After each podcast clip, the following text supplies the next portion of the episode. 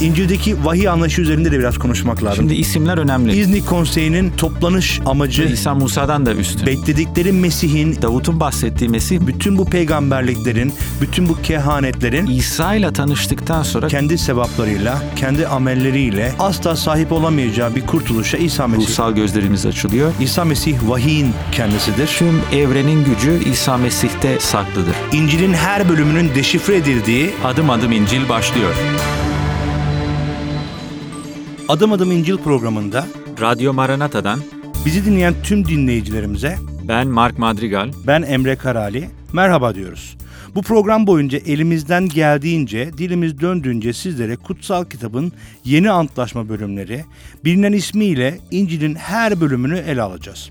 Açıklamaya, sıkça sorulan soruları yanıtlamaya çalışacağız. Soru ve görüşlerinizi sosyal medya hesaplarından et Radyo Maranata yazarak ya da www.radyomaranata.com web sitesinden mail yoluyla bize ulaşabilirsiniz diyoruz ve bugünkü programımıza başlıyoruz. Evet sevgili dinleyiciler 27 bölümden oluşan İncil metinleri üzerinde e, konuşuyoruz. E, 27 bölümü oluşturan e, çok değerli ilk dört müjdeden e, devam ediyoruz. Önceki programlarda Matta ve Markus üzerinde konuştuk. Bugün e, yine de çok özel bir bölümde konuşacağız. Luka hakkında, Luka bölümü hakkında konuşacağız. E, bu dört müjde, e, dört ayrı müjde değil, e, aynı müjdenin dört e, kişi tarafından aktarılımıydı. Altın çizelim onun diyelim ve başlayalım programımıza. E, zaten önceden bizi takip eden dinleyicilerimiz e, formatımız hakkında bir bilgiye sahiptir. Önceki bölümlere yine de web sitemizden ulaşabilirsiniz e, ilginizi çektiyse. Şimdi Luka kimdir? Luka önce onunla başlayalım dilersen Mark. Evet, e, Luka'nın memleketi Antakya geleneğe göre e, ve kendisi mesleği itibariyle bir hekimdi. Şimdi bu detay önemli çünkü neden bazı olaylara vurgu yaptığını bize açıklık getirecek kendi müjdesinde. Evet ona odaklanıyor ister istemez. Evet, e, şimdi Luka'nın bu eseri yazdığını nereden biliyoruz? E, ilk kilise tarihçilerinden olan Irenaeus aslında Luka'nın e, yazmanlığından e, bahsediyor. Irenaeus kimdir? Irenaeus Polikarpos'un öğrencisi. Polikarpos ise Yuhanna'nın öğrencisi. Dolayısıyla Yuhanna'dan sonra gelen ikinci nesilden açıklamalar var e, Luka'nın e, yazısıyla ilgili. Ve kendisi Pavlus'la özellikle çok yakın bir arkadaştı. Evet. Hem de Yahudi olmayan Evet. e, bir kişiydi. Ve kendisine yolculuğunda eşlik etti. Bunu nereden biliyoruz? Çünkü elçilerin işlerine baktığımızda ki elçilerin işlerini de e, Luka'nın kendisi yazdı. Yanlış hatırlamıyorsam 16. bölümde Evet 16. bölüm. Pavlus e, Alexandria Troas kentindeyken yani bugünkü e, Dalyan köyü oluyor e, Çanakkale Geyikli yakınlarında. Hı hı. Orada yaşamaktadır. Belki burada hekimlik görevini yapıyordu ama Elçilerin işleri 16'ya kadar e, üçüncü şahıs tekil olarak devam ediyor anlatı. Yani Pavlus'tan bahsederken o gitti, o yaptı, o, o yedi, o içti e, gibi. Fakat e, Troas'taki anlatıdan itibaren bu üçüncü şahısın çoğul olduğunu görüyoruz. Çünkü artık biz olarak e, bahsetmekte. Evet Pavlus'un özellikle 3. yolculuğunda Evet. biraz daha ondan e, kendinden bahsediyor. Bunun içerisine katıyor kendini. Evet, dolayısıyla aslında ikinci yolculuğun ortasından e, başlamak evet. e, başlamakta ve üçüncü yolculuğu ta ki Roma'daki ev hapsi dönemine kadar bunları yaşamaktadır kendisiyle beraber. Bu ev hapsi döneminde de Pavlus'a eşlik etmektedir. Zaten elçilerin eşleri ki bunu da Luka yazmıştır. Hı hı. E, burada bitiyor.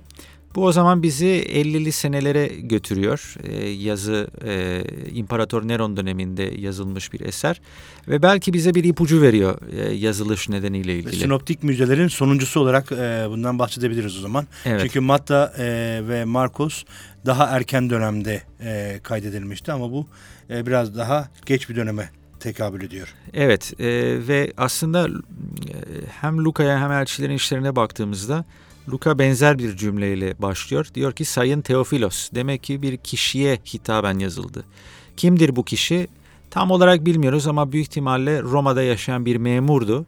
E, ve Pavlus'un e, ev hapsini duyunca herhalde merak etti. Yani bu adam neden ev hapsinde tutuluyor?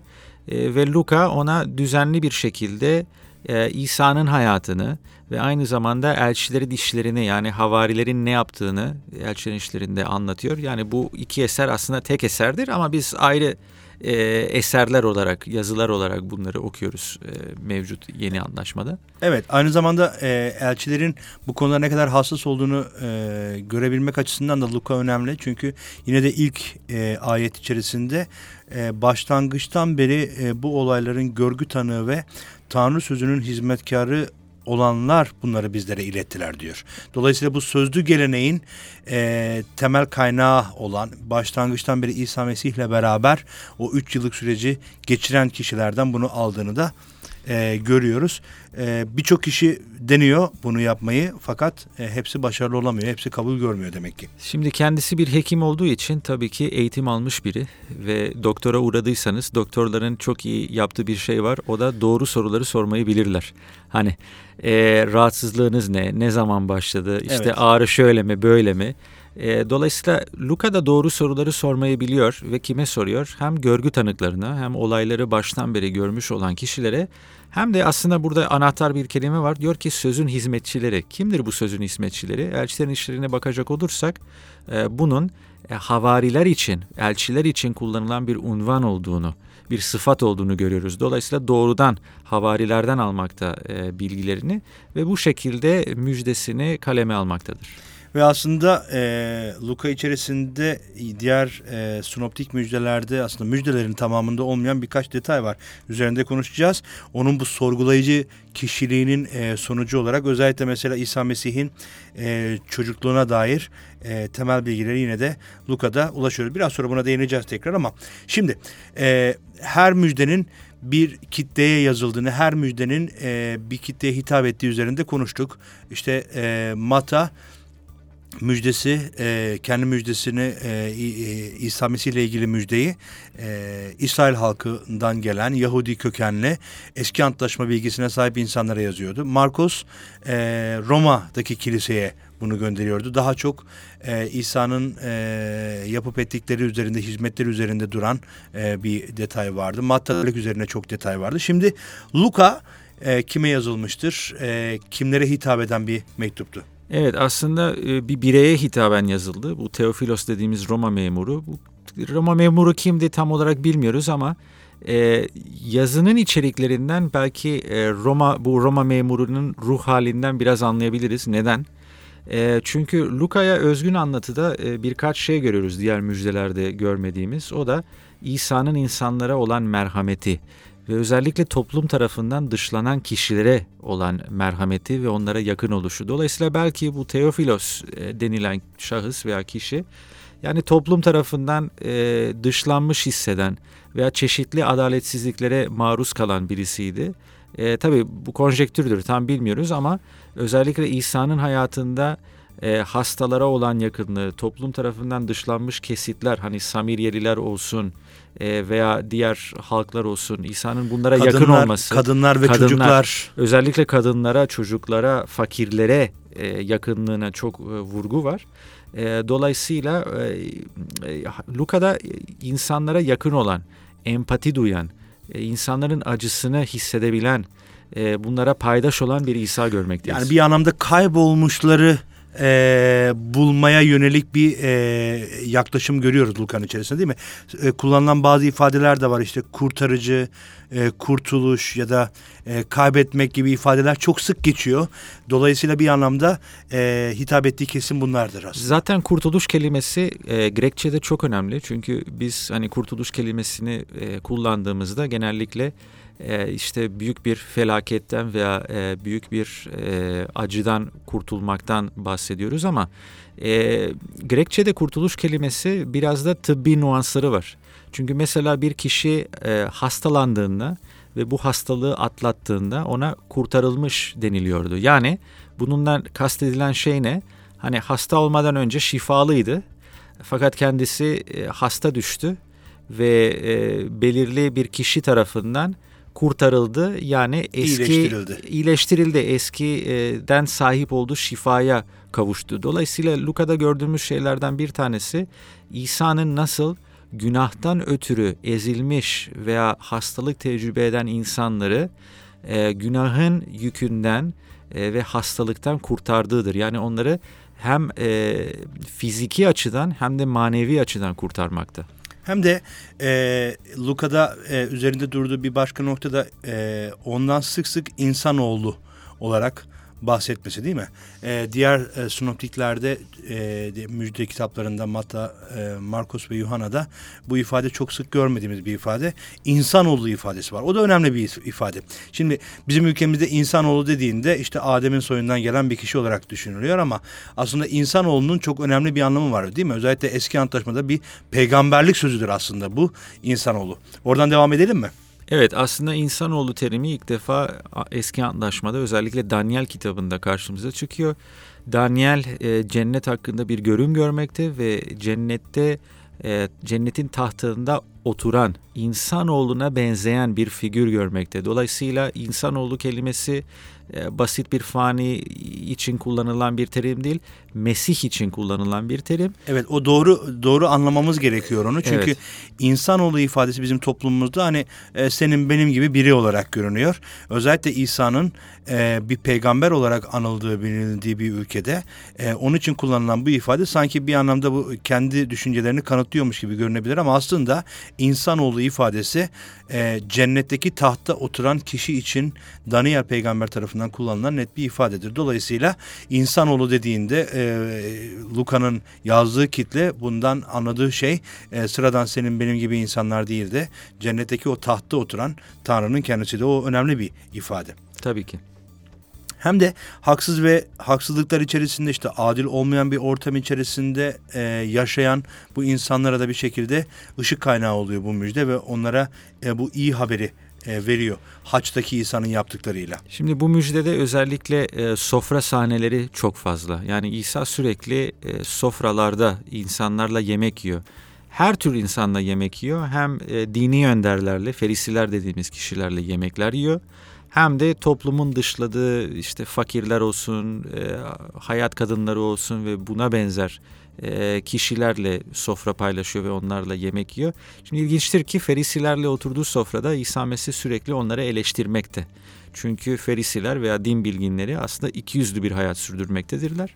Dıştan kendileri çok sağlıklı gibi gözükse de hayat tarzları ve, ve ruh, dindar ruhani bir ve dindar bir görünüme sahip olsalar da aslında içsel hayatları, manevi hayatları berbat. Yani evet. E, ruhsal olarak hasta bu kişiler. Fakat paradoks çok büyük bir paradoks veya ironik diyebiliriz. Toplum tarafından dışlanmış olan işte fakirler olsun, hayat kadınları olsun ne, ne kadar dışsal olarak hasta olarak gözükse de İsa'nın mesajına tepki verenler bunlar. Tövbe edenler bunlar. Ruhsal şifayı bulanlar bunlar. Ve İsa bu tarz kişilerle o kadar çok zaman geçiriyor ki Luka'da karşımıza çıkan İsa ile ilişkin devamlı bir eleştiri var. Hani Markos'ta İsa ile ilişkin bir eleştiri yapılıyordu. Hani e, bu kişi e, cinlerin gücüyle cinleri kovuyor veya şeytanın gücüyle cinleri kovuyor deniliyordu. E, Luka'da ise e, diyor ki şu e, İsa'ya bak işte hayat kadınlarıyla işte vergi görevlileriyle yiyip içiyor. Yani yiyip içmekle kastedilen ne? Ona yapılan suçlama e, işte bu kişi işte içki içiyor bunlarla alem yapıyor. Halbuki tabii öyle bir şey yapmıyordu ama halk İsa'nın bu davranışını anlamıyordu. Çünkü İsa'nın özellikle bu tarz toplum tarafından dışlanmış kesimlere özel bir e, merhamet, özel bir empati duyusu vardı. Evet Luka 5. bölüm 31. ayette İsa ne söylüyor? Diyor ki sağlıklı olanların değil hastaların hekime ihtiyacı var diyor. Dolayısıyla aslında kendi yapmak istediğinde bu şekilde özetliyor. Peki Luka üzerinde konuşacağız. Ee, özellikle e, Luka'da e, ana hatlar üzerinde konuşacağız ikinci bölümde ama Luka'da yine de gözümüze çok çarpan bir başka nokta var. O da e, bir sevinçli müjdeden bahsediyor. Yani o ezilenler kaybolmuşlar, toplum tarafından dışlanmışlar için önemli bir nokta bence. Sürekli sevinç kelimesinin, o sevinçli kelimesinin en çok geçtiği, e, İncil'in en çok geçtiği e, bölümlerinden bir tanesi aslında değil mi? Evet, sevinç kelimesi çok fazla geçiyor. Kutsal ruh çok fazla geçiyor. Evet. Özellikle ilk bölümlerde ve son bölümlerde çeşitli ilahiler görüyoruz. E, Meryem'in ilahisi olsun, e, ondan sonra e, Zekerya'nın ilahisi olsun, Elizabeth'in ilahisi olsun, meleklerin ilahisi olsun, e, Şimon'un e, ilahisi veya duası olsun sürekli bir ilahi. Kitabın sonunda veya müjdenin sonunda da benzer bir şey görüyoruz. Çünkü İsa göğe alındığında yine sevinçli bir şekilde öğrenciler e, Yeruşalim'e dönmektedirler. E, dolayısıyla dediğin gibi sürekli bir e, sevinçli habere vurgu söz konusu. Evet ki oradaki aslında mektubun e, e, özür dilerim müjdenin e, hitap ettiği kitle içinde çok önemli ve değerli, çok ihtiyacı e, olan bir noktaydı. E, dolayısıyla İsa'nın o e, sevincin kaynağı olduğunu gösteren önemli. E, ikinci bölüme e, ikinci bölümde devam edeceğiz. E, özellikle bu e, sinoptik denilen işte birbiriyle benzerlik gösteren e, bu müjdenin müjde kitabının Luka müjdesinin e, ana hatlarını ve e, ona özel e, durumların üzerinde de konuşacağız ikinci bölümde. Değerli dinleyiciler sizden kısa bir ara rica ediyoruz. Lütfen bir yere ayrılmayın. E, çok kısa bir süre sonra tekrar sizlerle beraber olacağız.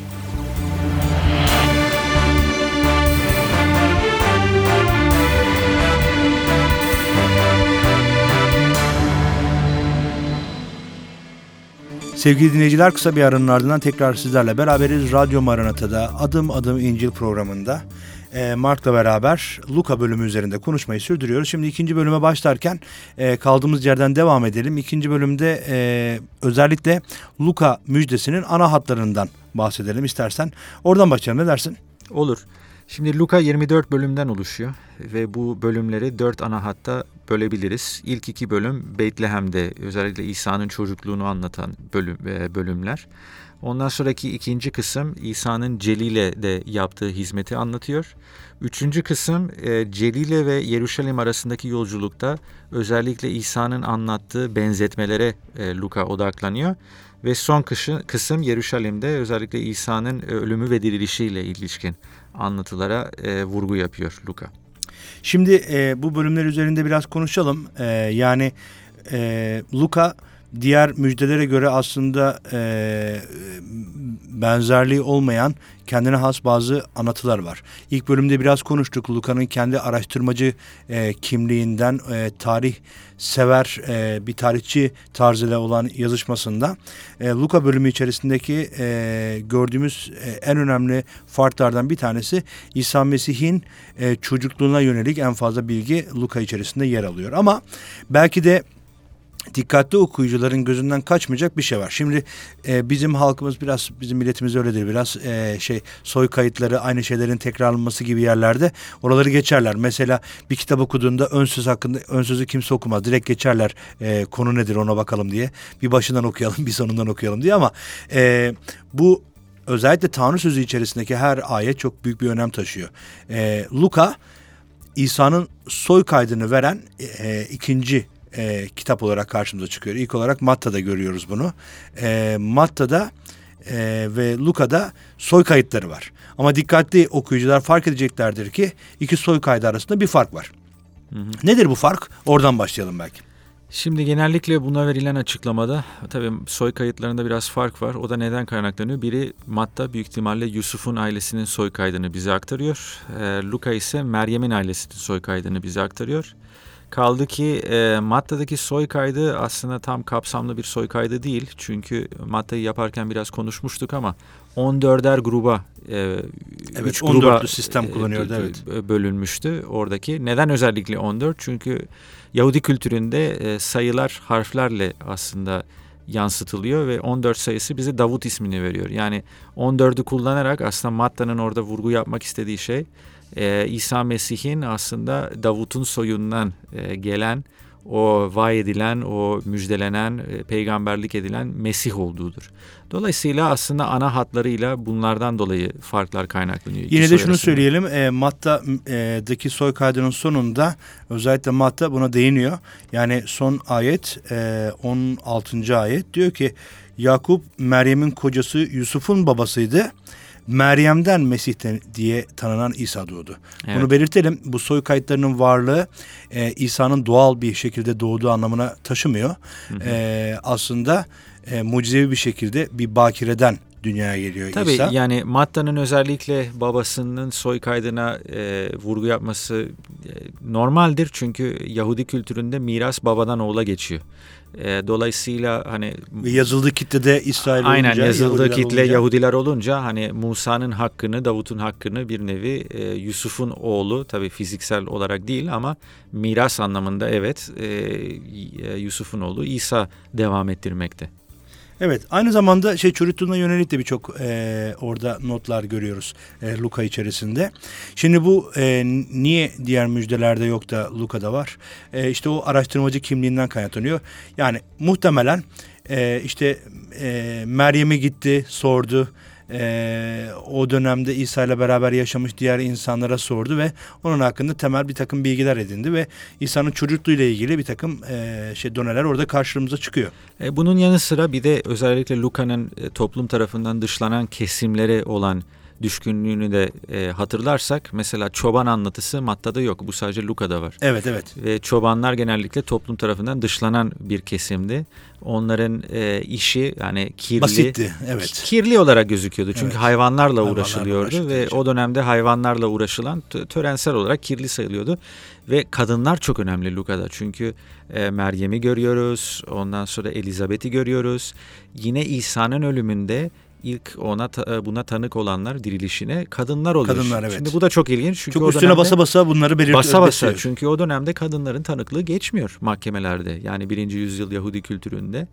Ee, ama Luka'nın buna vurgu yapması biraz da onun özellikle toplum tarafından dışlanan kesimlere yap- yaptığı odaktan e, kaynaklanıyor. Evet bu önemli Ee, ve o ee, sadece Luka'ya özgü anlatımlar içerisinde herhalde çok önemli ee, iki benzetmeden bahsedebiliriz. Hı hı. Ee, belki oraya geçebiliriz. Yani bu iki benzetme ee, özellikle İsa Mesih'in ee, anlatılmak istenen, verilmek istenen temel mesajını ee, Luka kendi ee, okurlarına iletebiliyor. Bu Evet iki tane benzetmeden bahsedeceğiz. Bir tanesi e, kaybolan oğul benzetmesi.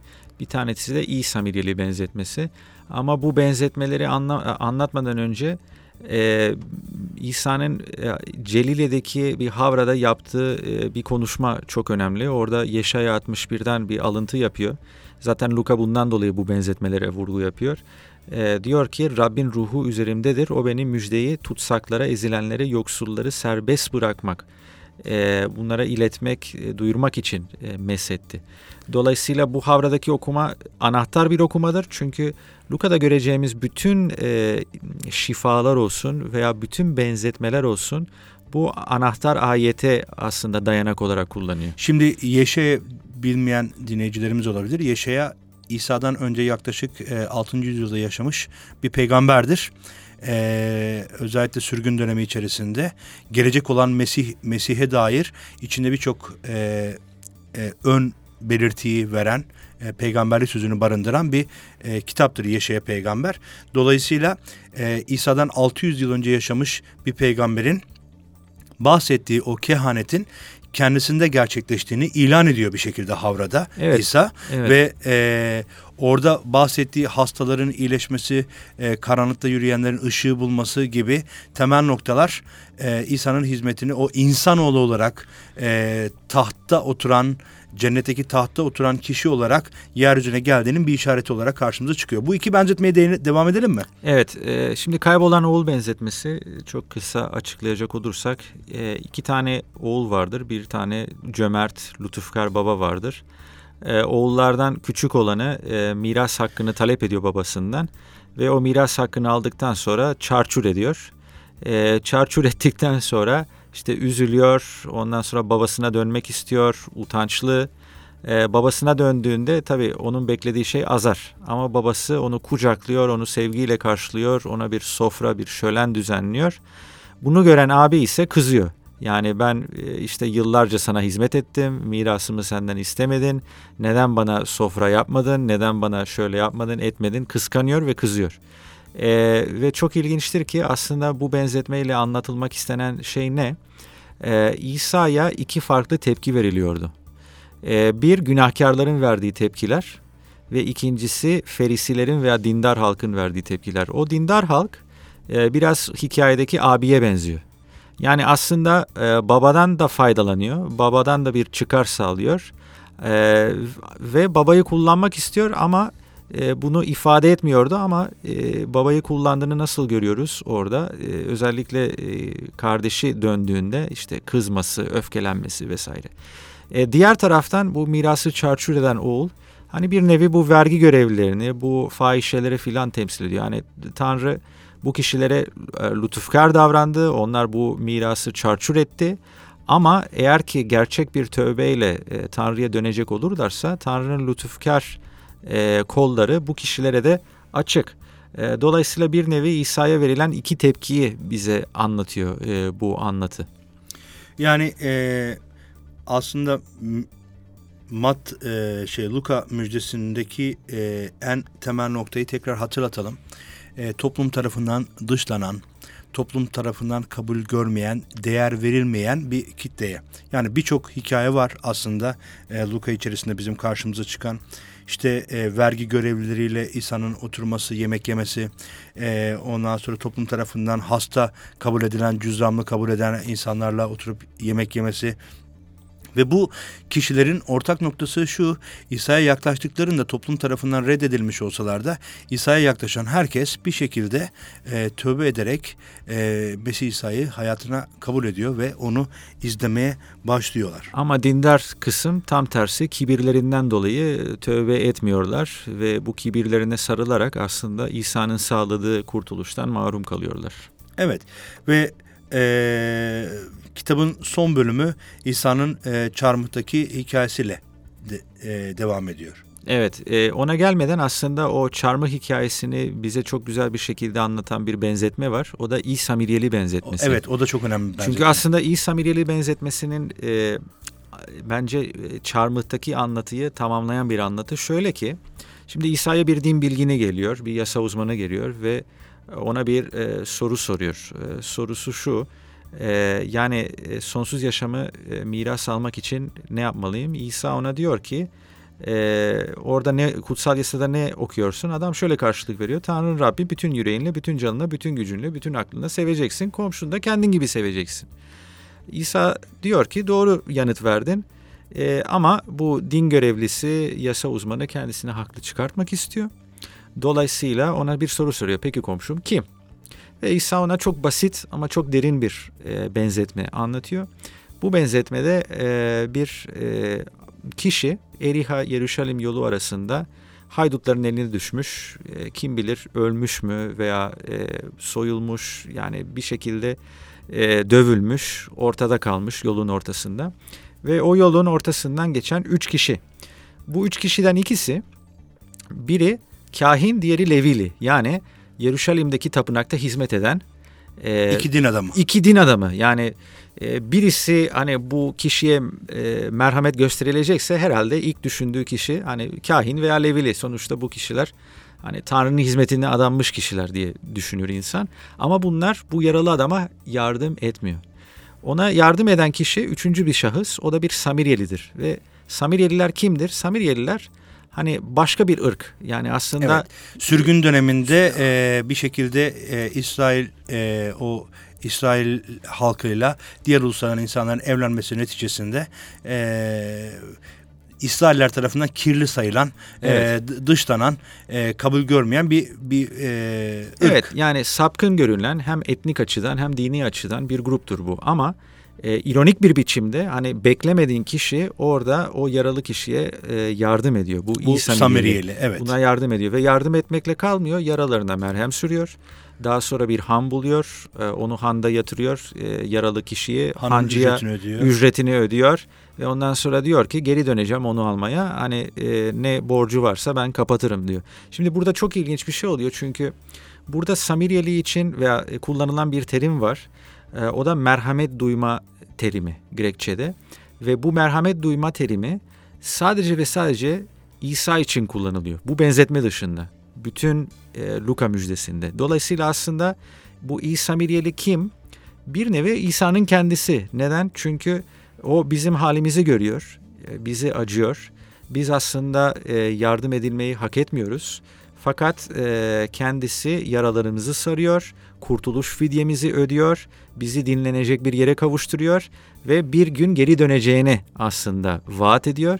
Ve bu şekilde bu benzetmeyle aslında İsa'nın neden çarmıhta e, e, öldüğünü, e, neden bir kefaret sunusu olarak kendisini sunduğunu, babaya borçlu iken günah fidyemizi ödediğini açık bir şekilde anlatmakta. Evet yani İsa'nın çarmıhta yaptığı şey aslında e, İsa Mireli'nin yaptığıyla aynıydı. Dolayısıyla bu iki benzetmede e, Luka'yı özetleyen bir anlamda temel benzetme içerisindedir. E, değerli dinleyiciler gerçekten Luka bölümündeki bahsedilen e, bütün o dışlanmışlar, bütün o toplum tarafından reddedilen, e, toplum tarafından kabul görmeyen, değerli görülmeyen kim varsa aslında Tanrı için ne kadar da değerlidir bunu görebiliyoruz. O yüzden e, bu müjdeyi okuyan herkes bir şekilde Tanrı'nın o derin sevgisini yüreğinde hissedebiliyor. Derin sevgisini içinde e, içine alabiliyor. E, artık günümüzde İncil'e ulaşmak zor değil. Birçok e, mecra var bunun için. Özellikle internet bunlardan bir tanesi. Ücretsiz olarak orada birçok e, siteden online olarak e, bu e, İncil nüshalarına, metinlerine ulaşabiliyoruz. Bugün Luka üzerinde konuştuk. Soru ve görüşleriniz varsa lütfen et Radyo Maranata yazarak sosyal medya hesaplarından bize bildirin. Aynı biçimde www.radyomaranata.com adresinden de bize ulaşabilirsiniz diyelim. Ve e, bir programın daha sonuna geldiğimizi üzülerek e, söyleyelim. Bir sonraki programda tekrar görüşmek üzere. Ben Mark Madrigal. Ben Emre Karali. Hepinize hoşça kalın diyoruz.